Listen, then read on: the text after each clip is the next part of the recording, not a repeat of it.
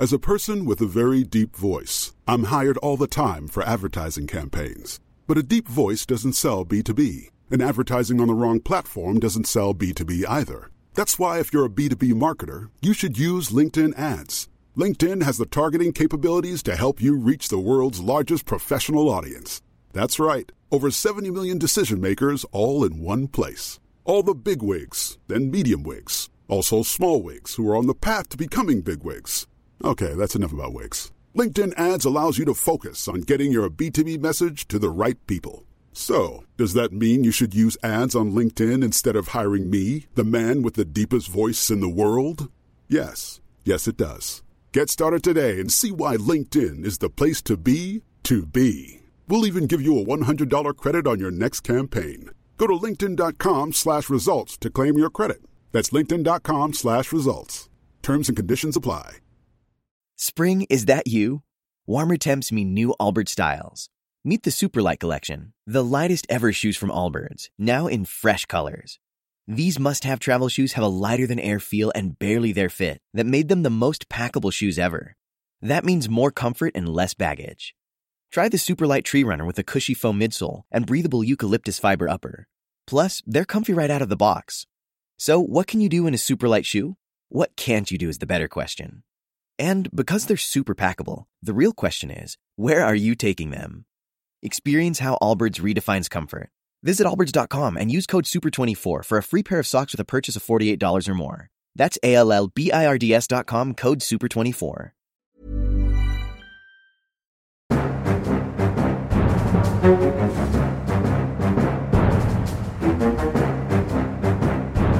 Da setter vi i gang med en ny episode Aftenpodden USA. Kristina Pletten er i vakre Bergen, så vidt jeg forstår. Ja, jeg er i min nydelige hjemby og skal være med på mediedagene her som begynner i morgen kveld. Så det gleder jeg meg veldig til, og det Ja. er stor stas. Det kan jeg se for meg. Jeg er eh, Øystein Langberg, eh, USA-korrespondent på plass på Manhattan. Eh, dette siste døgnet har jo vært en av disse rare journalistdøgnene hvor, hvor jeg kan sitte i sofaen på kvelden etter en lang arbeidsdag, ane fred og ingen fare, spise, spise litt is, litt dessert, og så bare legge meg, og så boom, så kommer det en sånn hastemelding fra et eller annet eh, medium. I går var det fra Politico, som, eh, som jo hadde fått detaljer om denne abortsaken som Høyesterett behandler. Eh, og så eksploderer nyhetsbildet, ikke sant. Så jeg har vært sent i seng, tidlig oppe. Så jeg er litt sånn, litt sånn sliten i maska, så jeg får bare Det skal gå bra. Det var jo, eh, det var jo eh, årets skup fra Politico, dette her. Det var jo det var For, for journalister eh, er det jo veldig Det i seg sjøl. Ja. Det er Ja. veldig spennende, altså. Veldig spennende. Så vi skal snakke litt om dette lekkede utkastet da, som Politico har fått tak i. Um, som, hvis det er blitt vedtatt, tar livet av retten til selvbestemt abort i USA. Og så skal vi snakke litt om hva det betyr for tilgangen til abort i dette landet, og hva det vil bety for politikken litt mer eh, generelt. Det kan jo bli en kjempesak som, som hjelper demokratene i høst, f.eks. Eller kanskje ikke. Men først har vi jo faste spalte siden sist, og det har jo skjedd litt av hvert annet siden sist eh, også. Jeg kan jo starte. altså New York Times har de siste dagene publisert det som ikke kan kalles annet enn et sakskompleks om, om Tucker Carlson, altså Fox News-programleder Tucker Carlson. Til sammen utgjør disse sakene en full biografi, tror jeg, hvis man hadde printa det i en, i en bok. Um, Jeg leste side opp og side ned på dag én og tenkte nå har jeg kommet i mål med den saken, og så viste det seg at dette var kun del én av tre som jeg, som jeg hadde lest da. Ja, det Eh, Men det er et imponerende eh, stykke arbeid. Ja, det var helt enormt. Det var jo veldig masse, da. Så man kan jo spørre seg liksom om det var litt overdimensjonert. Jeg tenker jo egentlig det at det liksom Det løfter jo han opp som den viktigste konservative stemmen, og kanskje han er det, men, eh, Ja. men jeg satt jo og lurte på om eh, New York Times har liksom informasjon som tyder på at han skal stille som presidentkandidat eller noe sånt. De kaller jo han Donald Trump sin avtaker og Mm. Ja. ja, det, er, han, det, er vel, det er bra, men det tok litt av, spør du meg. Ja, men det er jo en interessant bare gjennomgang av hele reisen hans, altså hans profesjonelle reise, eh, fra eh, journalist i mye mer sånn vanlige mainstream-medier til der han er nå. Livet han lever i dag, og de meningene og storylinen han presenterer hver kveld, hvordan dette henger sammen i et sånt større bilde. Så er det morsomt å lese at han bor på en gård i Maine, Ja. og har ganske lite kontakt med omverdenen, og spiller inn disse showene sine i et garasje der oppe og sånn. Det ante ikke jeg. Ikke jo heller. Det, var, det, det er liksom jeg sitter igjen med som det mest overraskende for meg. Egentlig. Ja. Hva har du på blokka? Du, tidligere forsvarsminister Mark Esper, som var han som Trump eh, ga fyken rett etter valget, han kommer Ja. med bok, som alle disse her sparkede tidligere Trump-medarbeiderne gjør.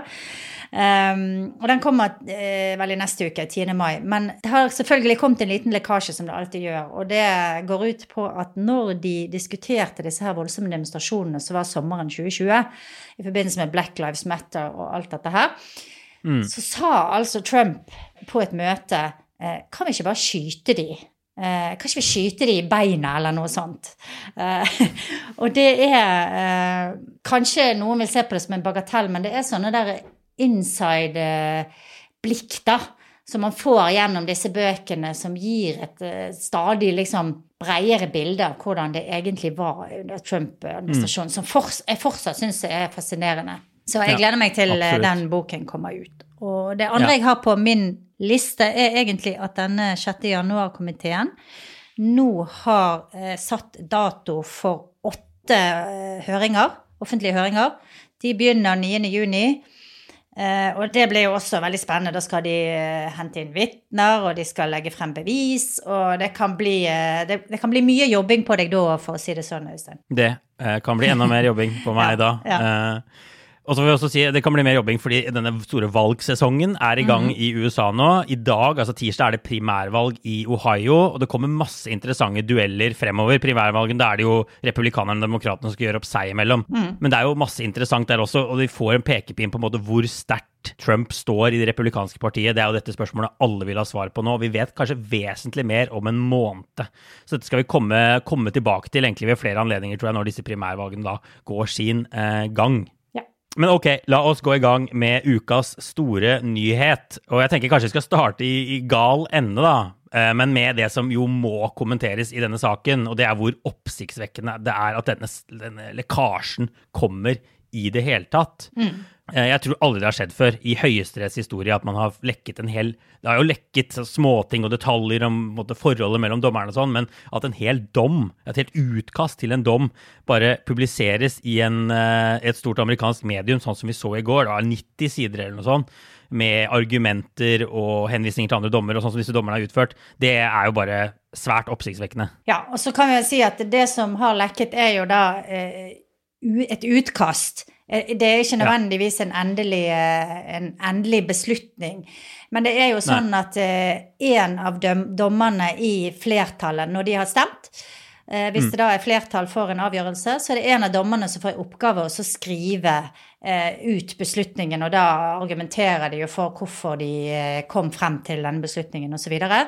Og det er det da Samuel Alito som har gjort. Han har laget dette utkastet, og så er det det da som har lekket videre til Politico. Og de har eh, eh, lekket hele greien, som er nesten 100 sider. Vi har allerede lagt det ut i Facebook-gruppen vår hvis noen vil gå inn og lese det selv. Eh, Men det er jo, som du sier, det er jo spektakulært, og har også ført til ganske mye opprør på, på høyresiden særlig, da, over at de, har, at Ja. det har skjedd en sånn lekkasje. De har på en måte tatt det som sin vinkling på dette her. Ja, og ikke bare på høyresiden, da, men også blant altså, Ja. eh, professorer i juss og rettsvitenskap. Og, og de, de, de har synes dette er veldig, veldig drøyt, eh, ser jeg en del folk si. Disse dommerne er jo ruskende uenige om mange ting, men de er jo også et sånt kollegium, og det har blitt beskrevet noen ganger at de kommer egentlig ganske godt overens. Du har sånn som Ruth Bader Ginsburg, som i sin tid, som jo, som jo døde for noen år siden, eh, kom veldig godt og var en nær venn med en av de mest måte, konservative dommerne i, i domstolen og den type ting. Og man er kanskje avhengig av å ha et godt forhold til kollegene sine der for å finne fram til kompromisser og for å få dette maskineriet til å gå. Og det folk nå frykter, er jo at dette vil virkelig undergrave tilliten til hverandre når, når, når man er redd for at ting man sier i de lukkede rom, at det plutselig dukker opp i mediene lenge før dommen kommer. Ja, absolutt. Og det har jo vært en tendens de siste 10-15 årene til at eh, både til at uh, Høyesterett blir mye mer polarisert, politisert, som resten av samfunnet. Det er steilere fronter. Og dommerne har på en måte òg fått mer sånn offentlig personer. Ruth Bader Ginsburg var vel kanskje det beste eksempelet på det, men også flere av de andre. ikke sant, Disse her høringene, når de, konfirmasjonshøringene, eller når de blir eh, godkjent igjen og i Senatet, mm. har fått masse mm. seere. Og folk er opptatt av disse personene som sitter på Høyesterett. Ja. Det gjør jo kanskje også at de liksom de er, de er, litt mindre obskure enn de kanskje var, var, før i tiden, da. Det er ja. på, på, godt og vondt. Men jeg tenker jo kanskje at det er liksom ikke noe positiv utvikling for domstolen som sådan, da. Eh, at, at, at, liksom sånne ting skjer. Nei det kan kanskje leses som at det kollegiale er i ferd med å forsvinne litt der også, at frontene er i ferd med å bli hardere. Og alle disse dommerne som sitter der, eller mange av disse dommerne som sitter der, har jo vært gjennom ekstremt tøffe sånne nominasjonsprosesser på forhånd. Ja. Brett Kavanaugh, som jo er en av disse dommerne Trump utnevnte, husker, husker var TV-sendte runder fra, fra Senatet som var ekstremt, ekstremt tøffe, hvor han også hadde kraftige følelsesutbrudd og sånn. Det er ikke vanskelig å se for seg at dette preger også dommerne litt etter at de kommer dit. Um, og så er det vanskelig, Nå pågår jo liksom spekulasjoner. Hvem er det som har lekket dette? Det skal etterforskes, sier da høyesterettsjustitiarius uh, blant annet. Så det debatteres jo hvem som liksom hadde motivasjon til å gjøre det her. Og jeg har sett veldig mange ulike teorier. for ja. Det kan være folk fra venstresiden, det kan være noen på høyresiden som vil presse kanskje mer moderate dommere til å ta tydelig stilling. Det aner vi ikke per nå. Og det er ikke sikkert vi finner ut denne, hvor denne lekkasjen kommer fra. Det er ikke sikkert det er en dommer, det kan også være noen eh, rådgivere og mm, ja, men jeg kan si det at eh, sånn som det har vært tidligere, og, og sånn som det er fortsatt, er jo at Høyesterett har vært ekstremt lite sånn eh, digital. Når det, når det kommer mm. avgjørelser fra Høyesterett, så kommer de på papir ut, og så må liksom ja. reporterne inn og hente de, og springer de inn og henter de, og så eh, prøver å speedlese de liksom på fem-ti minutter og, og, og, kjøre live nyheter om hva de inneholder. Eh, så det, har, det, er også, det, er også, et aspekt av dette her, da. At det, det har ikke Det har i hvert fall ikke vært brukt tidligere, liksom At det har vært f.eks. lagt ut på en nettside og sånne ting før. Mm før nyheten egentlig har vært ute, og folk har fått sett disse her eh, papirkopiene. Så det ja. gjør det jo ekstra rart, da, at når det har vært så strengt eh, sånn rent praktisk, at noen har klart å lekke dette her ut. Ja. Nei, jeg tror dette blir sett på som en, som en stor krise for, for Høyesterett, og det blir sikkert noen ganske heftige ja. runder med oppvask der nå. Men det var lekkasjen. Århundrets skup er kanskje ikke århundrets, da, men det var et stort skup for Politico. Ja, det, var det er det ingen tvil om. Men vi må snakke litt om substansen i denne saken også, da, og, mm. og abortspørsmålet i USA. Jeg bare tenker, før vi går til det som står i dette utkastet til dom, så må vi snakke litt om både, uh, historikken Mm. Uh, før vi begynner å kaste ut uh, masse begreper om Roe og Casey og, og alle disse tingene her. Ja. Um, så Vi kan kanskje starte i 1973. Um, mm. Da falt denne veldig veldig kjente dommen, Roe mot Wade, som gjorde abort i USA lovlig i hele landet frem til fosteret er levedyktig. Uh, og den levedyktighetsgrensen har endret seg over tid ettersom medisinen har blitt mer avansert. I dag regner vi uke 22, 23, 24 mm. typisk som som eh, levedyktighetsgrensen. Mm. Da den dommen kom i 1973, som da egentlig legaliserte selvbestemt abort i USA, så var det jo en bombe den gangen òg, akkurat som denne dommen vi ser konturene av nå, også kan være en, en liten bombe. Og absolutt, men eh, det skal sies at dette her må ikke eh, forveksles med en lov. Det var ikke sånn Nei. at eh, Kongressen satte seg ned og skrev en lov om at nå skal abort bli lovlig, og så stemte Nei. de folkevalgte over det. Sånn som man vanligvis lager lover, og sånn som etter min mening man bør lage lover.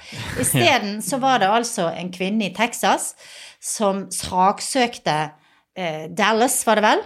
Eh, det var, det var i hvert fall eh, statsadvokaten i Dallas som var, mm. var mm. motstander. Og så gikk denne saken liksom opp gjennom systemet og endte opp i Høyesterett. Så Høyesterett, denne kvinnen, som da bare ble kalt for Jane Roe, het egentlig noe annet, mm. har rett. Hun, eh, da hadde hun allerede fått barnet for lenge siden, så, så, for henne så fikk det jo ikke noe sånn personlig betydning. Og, et, og etter mange år så snudde jo hun også og ble sånn antiabortaktivist, tror jeg.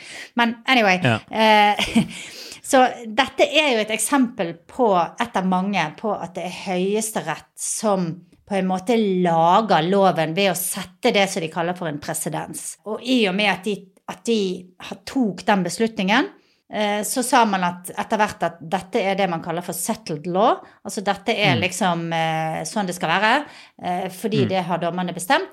Og så ble det bare en praksis Men Ja. det har aldri vært laget en lov om En abort lov, i USA. Nei, i Kongressen, hvor de har vedtatt en felles abortlov for hele USA. Og før denne Roe mot Wade-dommen kom i 1973, så var jo USA et lappeteppe av forskjellige lover rundt omkring Ja. i delstatene, før de kom med den her på en måte felles strømlinjeformede uttalelsen 24 Ja. uker levedyktighet, det er den nye regelen, det skal gjelde i hele landet. Dette er en rettighet som vi mener å kunne lese ut av Grunnloven, ikke sant. Ja. Eh, og så står ikke abort nevnt i Grunnloven, det er jo et kjent talepunkt for de som er imot at uh, det skal være en sånn selv, rett til selvbestemt abort i hele landet. Men, men, men de finner da denne retten, disse dommerne i 1973, i en sånn klausul om Det er vel privatlivets fred, egentlig, hvor de leser ut en rett til, eh, til selvbestemt abort. Absolutt. Og dette er jo også et sånn stort tema når det gjelder hvordan man tolker Grunnloven, da. Eh, Og der er det jo forskjellige skoler, juridiske skoler i USA på hvordan man skal tolke Grunnloven. Skal man tolke den liksom helt bokstavelig, sånn som noen tolker Bibelen, eller skal man tolke den litt sånn i overført og litt sånn videre forstand, da? Ja. Og Grunnloven er jo 250 år gammel og, og, og nevner verken abort eller biler eller datamaskiner eller veldig mye internett eller mm. mye av det som preger et, eh, et moderne samfunn. Så det blir jo veldig vanskelig å skulle eh, lage lover eh, hvis man bare skal ta utgangspunkt i det som står i Grunnloven, da. Men for å dra ferdig historieleksjonen vår, da, Ja. så blir uh, denne Roe-dommen fra 1973 den blir på en måte stadfestet i 1992 i en annen dom som heter Casey. Det, de gjør noen endringer, men liksom de grunnleggende prinsippene fra Roe blir gjeldende.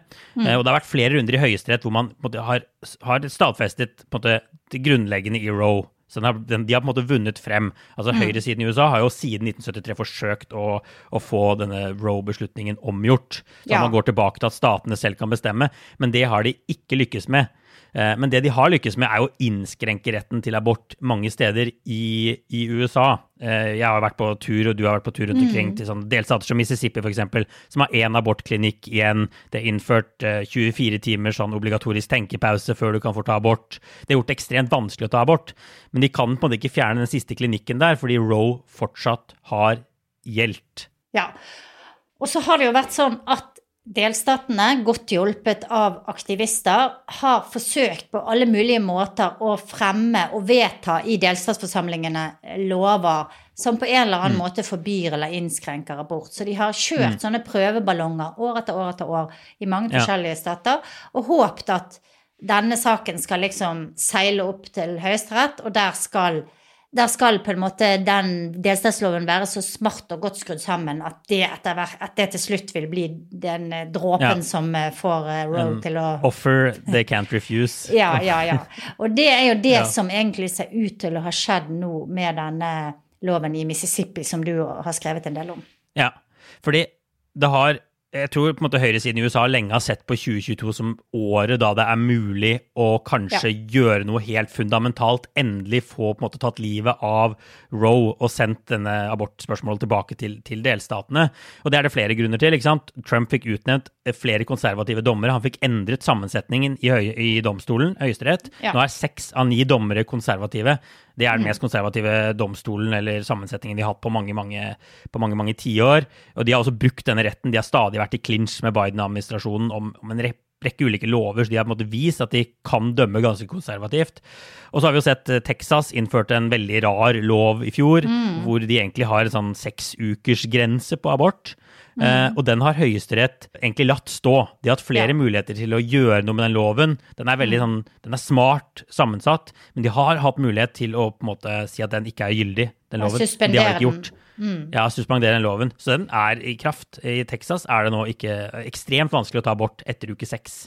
Um, og så har vi den Mississippi-loven som du nevnte, da, som er, er en sånn prøveballong, et forsøk fra delstaten Mississippi på å få på måte, hele Roe annullert. Og det var en høring i den saken i desember, og da, allerede da var det veldig tydelig at i hvert fall fem av disse ni dommerne var villige til å gjøre noe ganske radikalt. De sendte signaler om det.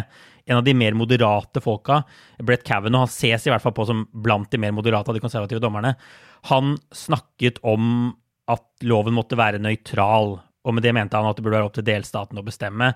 Og så kom dette utkastet, ikke sant, eh, som vi fikk da eh, mandag kveld amerikansk tid, som jo viser at eh, i hvert fall sånn det legges opp der, at dommerne er villige til å gå veldig, veldig langt. Og rett og slett bare kvitte seg med hele Roe. Ja.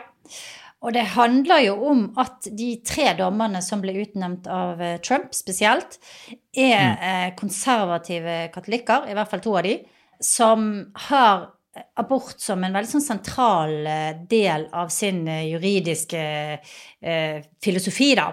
Eh, mm. Og altså det å innskrenke abort har vært eh, viktig for, for de eh, som, som sånn juridiske ideologer. Derfor så er det jo mange som har trodd at Høyesterett nå, i motsetning til tidligere, har vært villig til å ta mer sånne radikale grep, da, og gå mye lenger. Mm. Tidligere så har det jo også vært mange konservative dommere. Jeg tror faktisk det var et eh, flertall av i hvert fall republikanske utnevnelser når Roe Wade ble vedtatt, hvis ikke jeg tar feil. Um, ja. Men man har kanskje vært mer opptatt av det juridiske tross alt enn av det ideologiske, på en måte. Mm.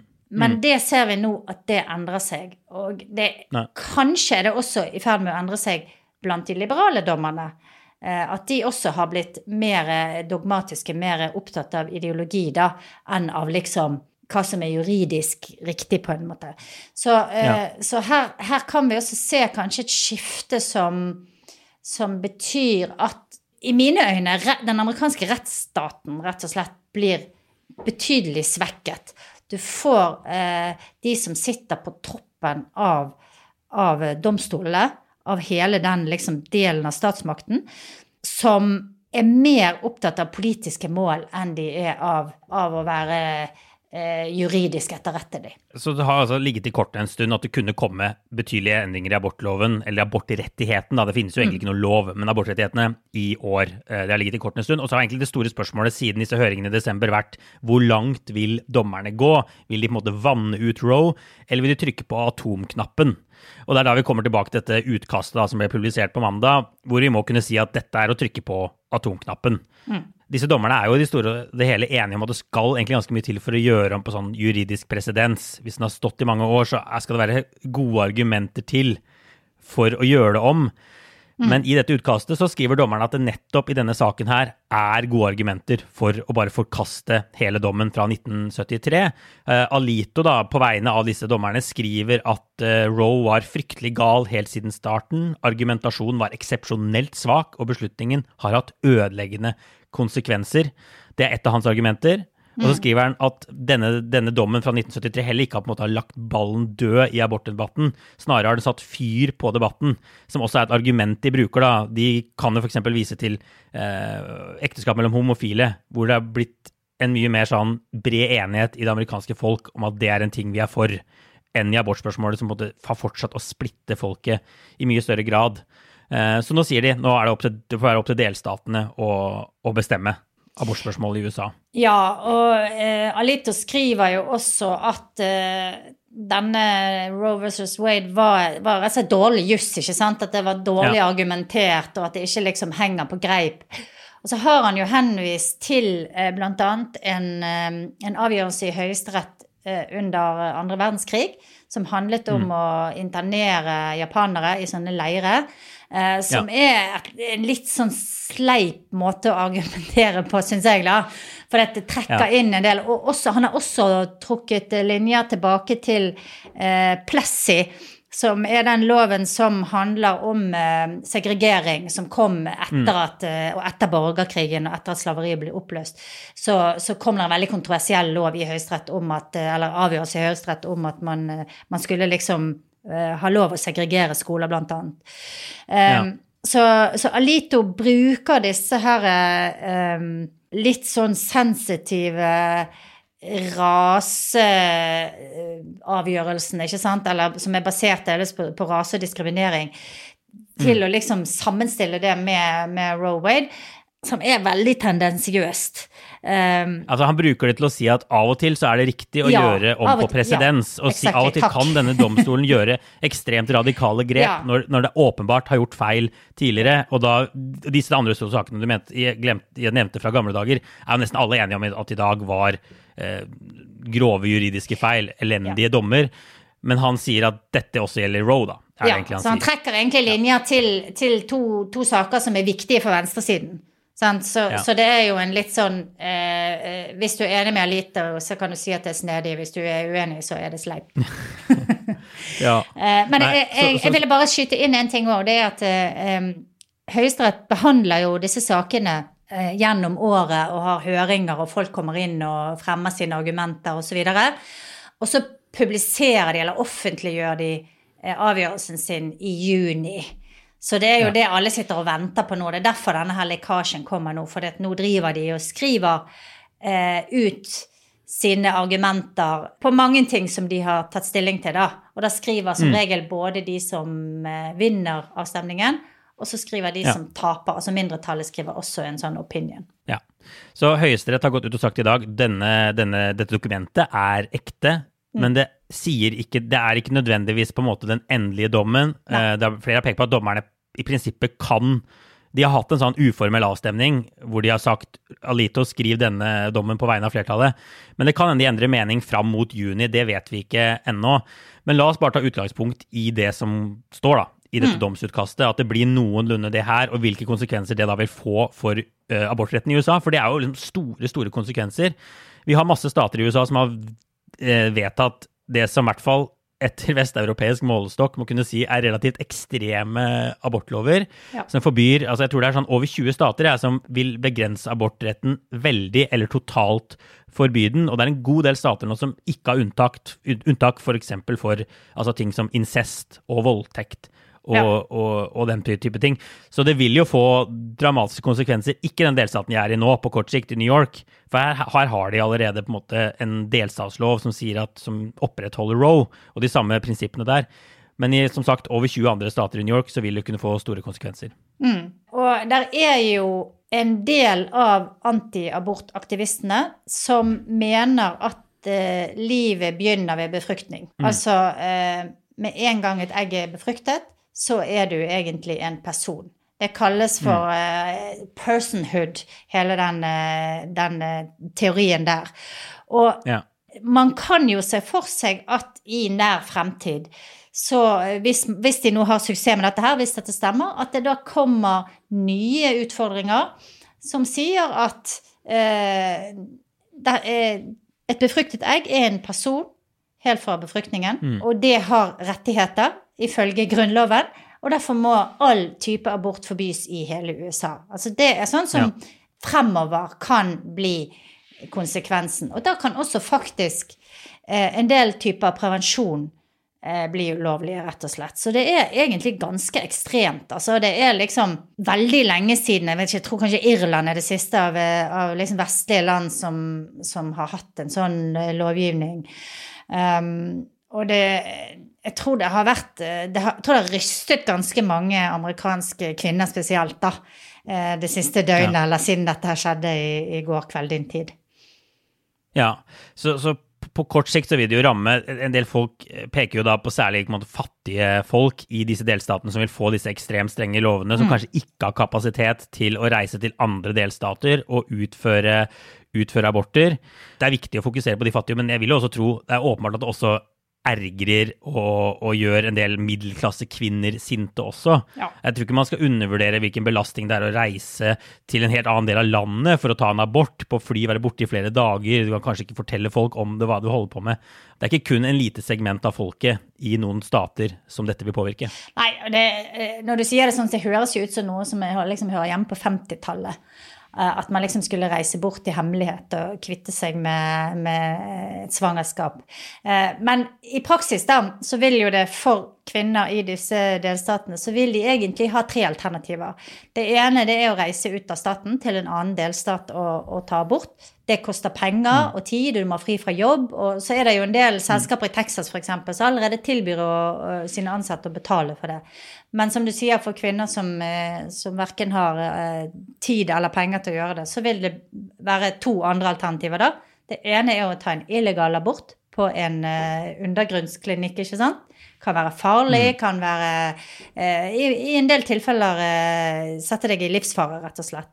Og det tredje er jo da å, å, å i stedet få, få eh, føde barnet. Og det som òg er interessant, og som jeg vet du har skrevet om, er jo at de delstatene som sannsynligvis vil få de strengeste abortlovene, er samtidig de delstatene som har dårligst tilbud og dårlig sikkerhetsnett. F.eks. For, for uh, veldig unge kvinner som uh, alenemødre som får barn. Så det vil jo gjøre Ja. at en del, særlig kanskje minoritetskvinner i sørstaten og sånne ting, vil få det fryktelig vanskelig, rett og slett. Og jeg må bare legge til én ting til, og det er at de, disse delstatene vil heller ikke liksom prøve å veie opp for det med å f.eks. øke undervisningen om, om seksualitet i ungdomsskolen, eller gi bedre tilgang til prevensjon og helsetjenester. For det er jo de i mange tilfeller også imot. Mm, ja. Så, så det er på kort sikt, og så er det jo på lengre sikt det du altså har på en måte henvist til litt allerede. Hva er den neste kampen hvis høyresiden i USA og det konservative USA vinner denne kampen? Hva er det neste målet for dem? Og det er det noen demokrater som allerede har begynt å skremme med at de vil forsøke, f.eks. For hvis de sikrer seg flertall i Kongressen i 2024 og ha presidenten, å vedta en eller annen form for lov som vil innskrenke abortretten da over hele landet. Sånn også delstater, liberale delstater som New York, eh, eh, byer som Chicago, Los Angeles, California, vil få en mye strengere lov. Det er jo på en måte det demokratene allerede har begynt å skremme med. Og det er jo ingen tvil om at det er aktivister på den ytre høyresiden som drømmer om eh, å få til noe sånt i hele USA. At det ikke bare skal gjelde konservative stater. Ja, ja, ja. Altså, det, det er ikke bare liksom en bitte liten gruppe med ekstreme aktivister som, som vil prøve på det. Altså, Alito skriver jo ganske tidlig i dette her dokumentet som er lekket, at en del mennesker tror at, eh, at eh, Jeg tar det på engelsk. Some believe that a human person comes into being at conception. Skriver Alito på første siden.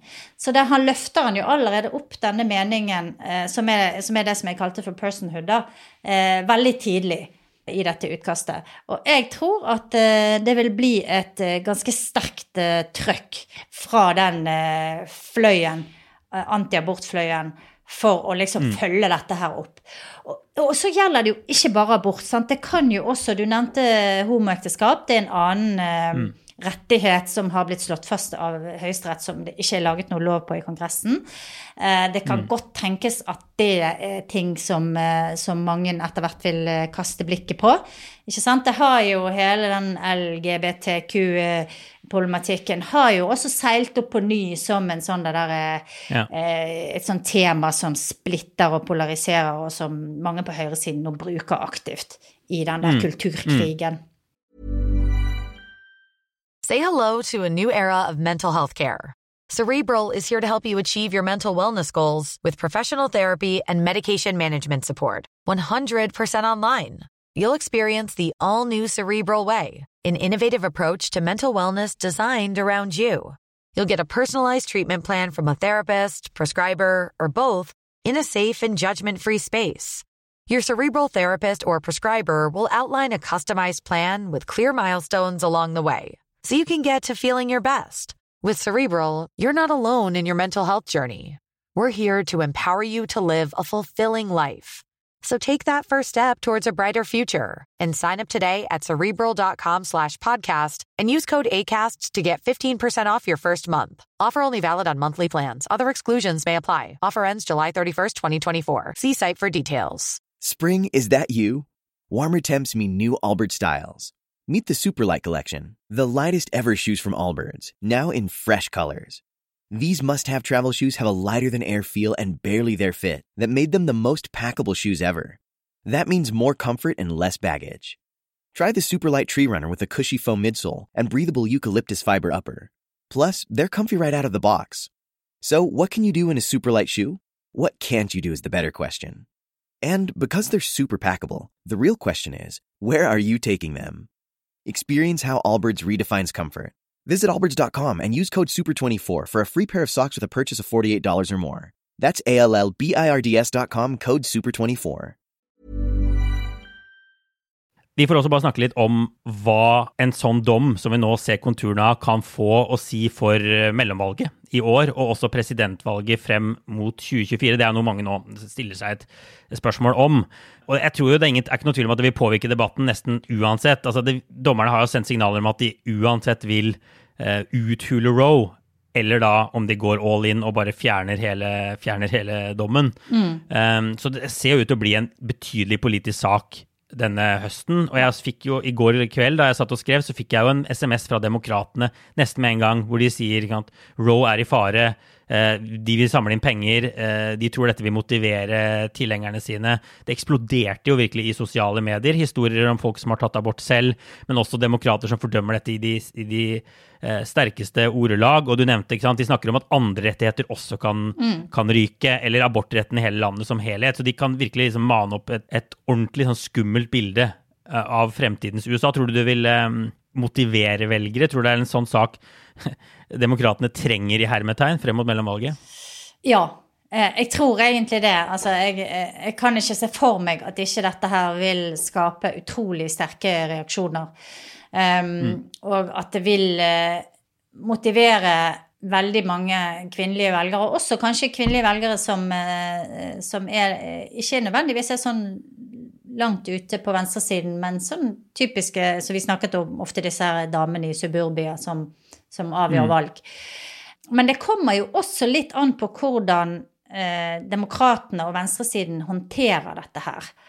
Og hvordan de klarer å skru til sitt budskap og ikke la de mest ekstreme stemmene få dominere, sånn som vi så mm. med Defund the Police, eh, som jeg har trukket frem mange ganger som en sånn helt utrolig dårlig måte å fremme et budskap på, da.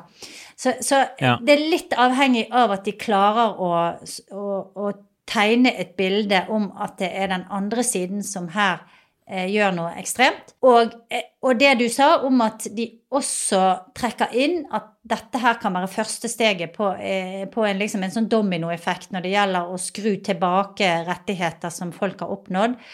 Um, Og da handler det jo egentlig ikke bare om liksom abort og homofili, men, men mange typer diskriminering, da, som eh, kan, eh, kan Som man er liksom beskyttet mot på veldig mange måter. Arbeidslivet, f.eks. Eh, som mange republikanere ønsker å fjerne. Så det Ja. kan få veldig direkte betydning for folks liv, og det må demokratene klare å formidle på en tydelig og god og nøktern måte, hvis de virkelig skal klare Ja. å høste noe stemmer på dette her, tror jeg. Ja. Jeg tror det er rom for å høste stemmer på dette. Når man spør Ja, ja. amerikanere om de f.eks. er i for eller imot å overkjøre Roe, så er det et klart flertall, og det har det vært i ti år, etter tiår, som sier at de er imot å overkjøre Roe. Altså 58 sa det i fjor i en, eh, i en måling fra, fra Gallup, og da var det bare 32% som var for. Men så er det masse nyanser bak der, og det er det poenget ditt eh, riktig med at demokratene ikke må fremstå som de mest ekstreme og på en måte ende opp i den andre grøfta her. For på en side så sier amerikanerne at de er for å beholde Roe, men på den annen side så er det ganske mange som for støtter en god del restriksjoner etter de tre første månedene, som jo halvveis bryter med prinsippene fra Roe, og det er stor støtte for f.eks. en sånn obligatorisk refleksjonsperiode på 24 timer. Så når man dykker ned i meningsmålingene, så så virker det som kanskje liksom en kompromissløsning er noe av det Norge har. da. Det er en god del amerikanere som kanskje vil rime godt. De støtter det fram til uke hva er det, tolv i Norge nå. Ja. Første Eh, trimester. Og så har jo Norge denne nemndsystemet, dette er jo oppe til debatt i Norge. Ja. men, men det er mange amerikanere som også vil ha noen former for restriksjoner frem til uke 24. Så, så selv om de sier de støtter Roe, så er det ikke sikkert de gjør det når de begynner å bore ned i detaljene. Nei. Eh, men det, det definitivt, bare for å si det da, det definitivt mange amerikanere er imot, som meningsmålingen viser helt tydelig, det er jo sånn å nekte folk som har blitt voldtatt, å ta abort, f.eks. Eh, så hvis de klarer å fremstille republikanerne som partiet for den type ting, da kan de vinne på det. Ja, og der er det veldig vanskelig å, å drive på en måte eh, kontra-messaging. Altså, fordi at du vil få historier. Du får masse historier om 13-åringer som er voldtatt av mm. stefaren, eller eh, ikke sant, noen som holder på å dø eh, fordi at eh, de har fått en eller annen eh, eh, sykdom i svangerskapet. Så det vil komme masse individuelle, sterke historier som vil komme frem i mediene, som det er utrolig vanskelig for motparten å skulle eh, argumentere for, da. At disse fortsatt skal nektes eh, abort. Og det var jo det som til slutt vippet egentlig opinionen i Irland, sant? At, det, at ja. du fikk disse her, du fikk filmer, du fikk TV-seere, du fikk folk som fortalte gjennom bøker og historier hvordan dette har det vært for kvinner. Eh, og det vil jo Ja. sikkert også komme historier om folk som forsøker eh, å ta aborter eh, på ulovlige måter. Så alt det der til sammen, da, vil nok skape et narrativ som det vil være veldig vanskelig å, å liksom stå imot. Eh, men så har du på den andre siden den delen av eh, venstresiden som egentlig mener at abort skal være selvbestemt helt frem til fødselen. Og det er en del mm. som mener det, og som mm. mener at kvinner eh, alle kvinner kan ta denne avgjørelsen selv, og mm. at kvinner vil ikke ta en sånn avgjørelse hvis ikke de er nødt, hvis ikke de er desperate, hvis ikke de må. Men, men du ja. kan også i dag i en del delstater ta abort i siste trimester, f.eks. hvis du har psykologiske utfordringer, da, hvis du har får en, en, dyp depresjon eller sånne ting, så kan mm. du i samråd med legen din eh, faktisk eh, få en, en, abort, selv om det liksom Det er liksom ikke bare å spasere inn og si eh, 'nå vil jeg ta abort', men, men det er allikevel eh, rom for det. Og det er en del sånne ting det er innmari vanskelig å snakke om det. Det er vanskelig, mm. det er veldig sjelden jeg ser eh, noe nøkternt fremstilt om det i amerikanske medier fordi at det er så ladet. Eh, men mm. det er helt klart at eh, her ligger en del fallgruber for eh, Biden og demokratene eh, som, eh, som, de må, må, unngå for at ikke de skal liksom At ikke dette skal slå tilbake på de til slutt, da. Ja. Og hvis jeg hadde vært demokraten, så hadde jeg også kanskje tatt en studietur til Texas. For de har innført denne seksukersloven sin, mm. som nå har vært i kraft i ja, godt over et halvt år. Uten at det ser ut til å ha ramma republikanerne i Texas i veldig stor grad. Jeg var nettopp inne og bare kikka på meningsmålingene. De får jo et guvernørvalg der til høsten. Det er ingenting som tyder på at demokratene er noe særlig konkurransedyktige i det guvernørvalget. Til tross for at Texas jo er en stat som bør gå i demokratenes eh, demokratenes retning, og jo har innført denne loven, som jo er en av de mest ekstreme abortlovene i USA. Så der er det, Jeg vet ikke hva som har skjedd helt i Texas, det er egentlig en interessant, burde egentlig dra dit og snakke litt med folk og for å finne ut, finne ut av det, men det ser ikke ut til å ha blitt den store oppstandelsen, store motstanden, store mobiliseringen som noen hadde trodd, kanskje på forhånd. Nei. Og så er det jo, her er jo eh, forskjellige på en måte grupper av befolkningen som rammes på forskjellige vis. ikke sant? I Texas så har du, eh, som du har i Georgia og North Carolina og en del andre stater, du har eh, fått en innfluks av eh, unge, eh, høyt ut, utdannede mennesker som, eh, som, kanskje er mer demokratiske, men som, som har ressurser. Og som kan mm. omgå sånne lover ved å f.eks. reise til en nabostat. da. Og det er klart at hvis hvis dette blir strengere og strengere, og strengere, og det kommer andre ting i tillegg, og du får en sånn mørkemann-effekt, så mm. vil det være vanskeligere å liksom se gjennom fingrene med, med, med denne her typen lovgivning og det tror jeg det vil få eh, mer politiske utslag. Fordi at f.eks. da du skal hente inn en eh, afroamerikansk ansatt, og den personen klarer ikke å få seg leilighet, la oss si, fordi at det, det er ikke lenger Du kan, du kan diskriminere fritt eh, på bakgrunn av både eh, rase og hva du nå måtte ville. Altså, det, mm. dette er fortsatt litt utopisk, men man kan se for seg at, at det beveger seg mer i en sånn retning da. Eh, eller at mm. arbeidsgivere kan, eh, kan, diskriminere mot homofile. ikke sant? Eller du kan, du kan få et, et, eh, et, samfunn som er så fiendtlig mot en del ja. grupper at det vil bli vanskelig for folk å skulle bo der eller flytte dit. Og da blir det plutselig et økonomisk problem for disse delstatene. For da vil de store selskapene mm. etter hvert flytte ut til andre stater, for ja. de klarer ikke å tiltrekke seg arbeidskraft. Og så får du en litt sånn der 'be careful what you wish for'. Eh, situasjon, da, som jeg tror en del republikanere er litt redd for nå. At ok, ja. eh, abortsaken har vært en kjempegod sak for å drive inn velgere og for å liksom motivere velgere, men hva nå? Hvis, hvis de får mm. gjennomslag for det, og de får motiverer motparten til å liksom virkelig stå ja. på barrikadene og kjøre demonstrasjoner, mens de sjøl egentlig har fått det de ville ha, så nå kan velgerne egentlig bare sitte hjemme og, og lende seg tilbake og være fornøyd. Ja. Nei, det er i hvert fall ingen tvil. Vi har snakket mye om kulturkrig på denne poden. At dette, mm. abortsaken er en kulturkrigssak som demokratene gjerne vil ha, og som kan tjene de, og de kan på en måte spille seg litt mer aktive i hele den eh, kulturkrigen som, på en måte, dem, som republikanerne har jo dratt veldig veldig nytte av. Som du sier, da, i mange, mange år.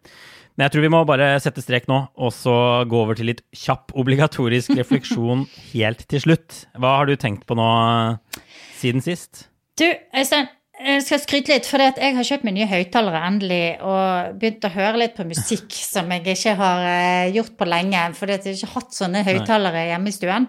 Eh, og så eh, så jeg på Grammy-utdelingen her, eh, som de Ja. viste faktisk på norsk TV i går, tror jeg det var. Og tenkte jeg skulle anbefale en artist som heter Alison Moore. Hun var ikke med på Grammy-utdelingen, men hun er en sånn americana-artist. Jeg er veldig glad i sånn americana som er en litt sånn blanding av country og rock. Eh, veldig mye Ja. fin musikk. Alison Moore er fra uh, Alabama. Og har en, det passer egentlig litt inn i denne poden, for hun har en sånn dramatisk personlig historie der faren Hun har en sånn voldelig far, og faren skjøt og drepte moren og seg sjøl når hun var eh, tenåring. Så det er eh, en skikkelig sånn ekte sånn, eh, hva skal jeg si, sånn eh, country-lidelse, eh, rags to riches-historie. da, hun, hun har laget veldig mye bra musikk. Det ligger mm, både spillelister og albumene hennes på Spotify og sånne ting. Så det er absolutt verdt å høre litt på. Så sette seg litt ned av og til og høre på musikk istedenfor å se på mobilen, f.eks. Det er mitt, Ja, det er mitt mål for. Ja.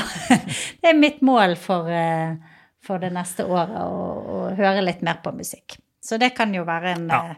eh, en fin eh, Det kan være en fin eh, en fin sånn måte å avreagere på etter å ha lest alle disse her opprivende sakene om abort og krig og andre ting. Ja, det er et godt tips. Mm. Jeg har også kikka litt på TV siden sist. Jeg så på uh, White House Correspondence Dinner her om dagen. Ja. Som jo er denne middagen som, eh, hvor altså, hele medie-USA, eller i hvert fall medie-Washington, er samlet, og hvor presidenten egentlig skal holde tale. Men nå hadde jo ikke det skjedd på seks år før denne runden med White House Correspondence Dinner. Fordi Trump hadde jo ikke villet være med, og så kom covid, og det har vært liksom flere ting.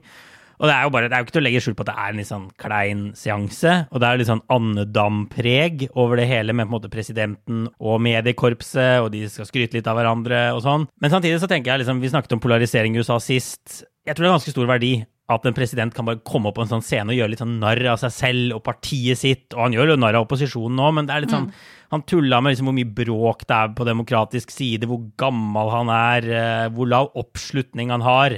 Han sa, Biden sa at han er virkelig glad for å være med den eneste gruppa amerikanere som har lavere oppslutning enn meg selv. Det er jo ganske sunt for alle velgere å se en person som kan, i hvert fall i 15 minutter, ha litt, eh, litt selvironi.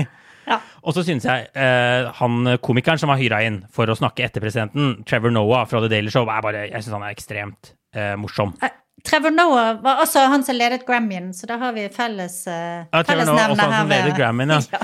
He's everywhere. Jeg tror han har et veldig morsomt show. Han gjør en ganske bra sånn Trump-etterligning og en decent Obama-etterligning, og da er jo veldig, mye, veldig mye gjort. Og så ser han USA litt utenfra i showene sine og sånn, eh, og det tror jeg appellerer bare til sånne som oss, som også ser USA litt utenfra og av og til klør oss litt i hodet over det merkelige landet her. Eh, Så jeg vil gå gående og kikke på både det Biden sa og det Trevor Noah sa. Det tar ikke så lang tid. å Og bare få en liten eh, finger på pulsen i andedammen i Washington DC. Yes. Du, jeg tror vi setter strek der, Kristina. Eh, og så er vi tilbake vi om en uke. Og inntil da får alle lytterne ha det bra. Ha det, ha det.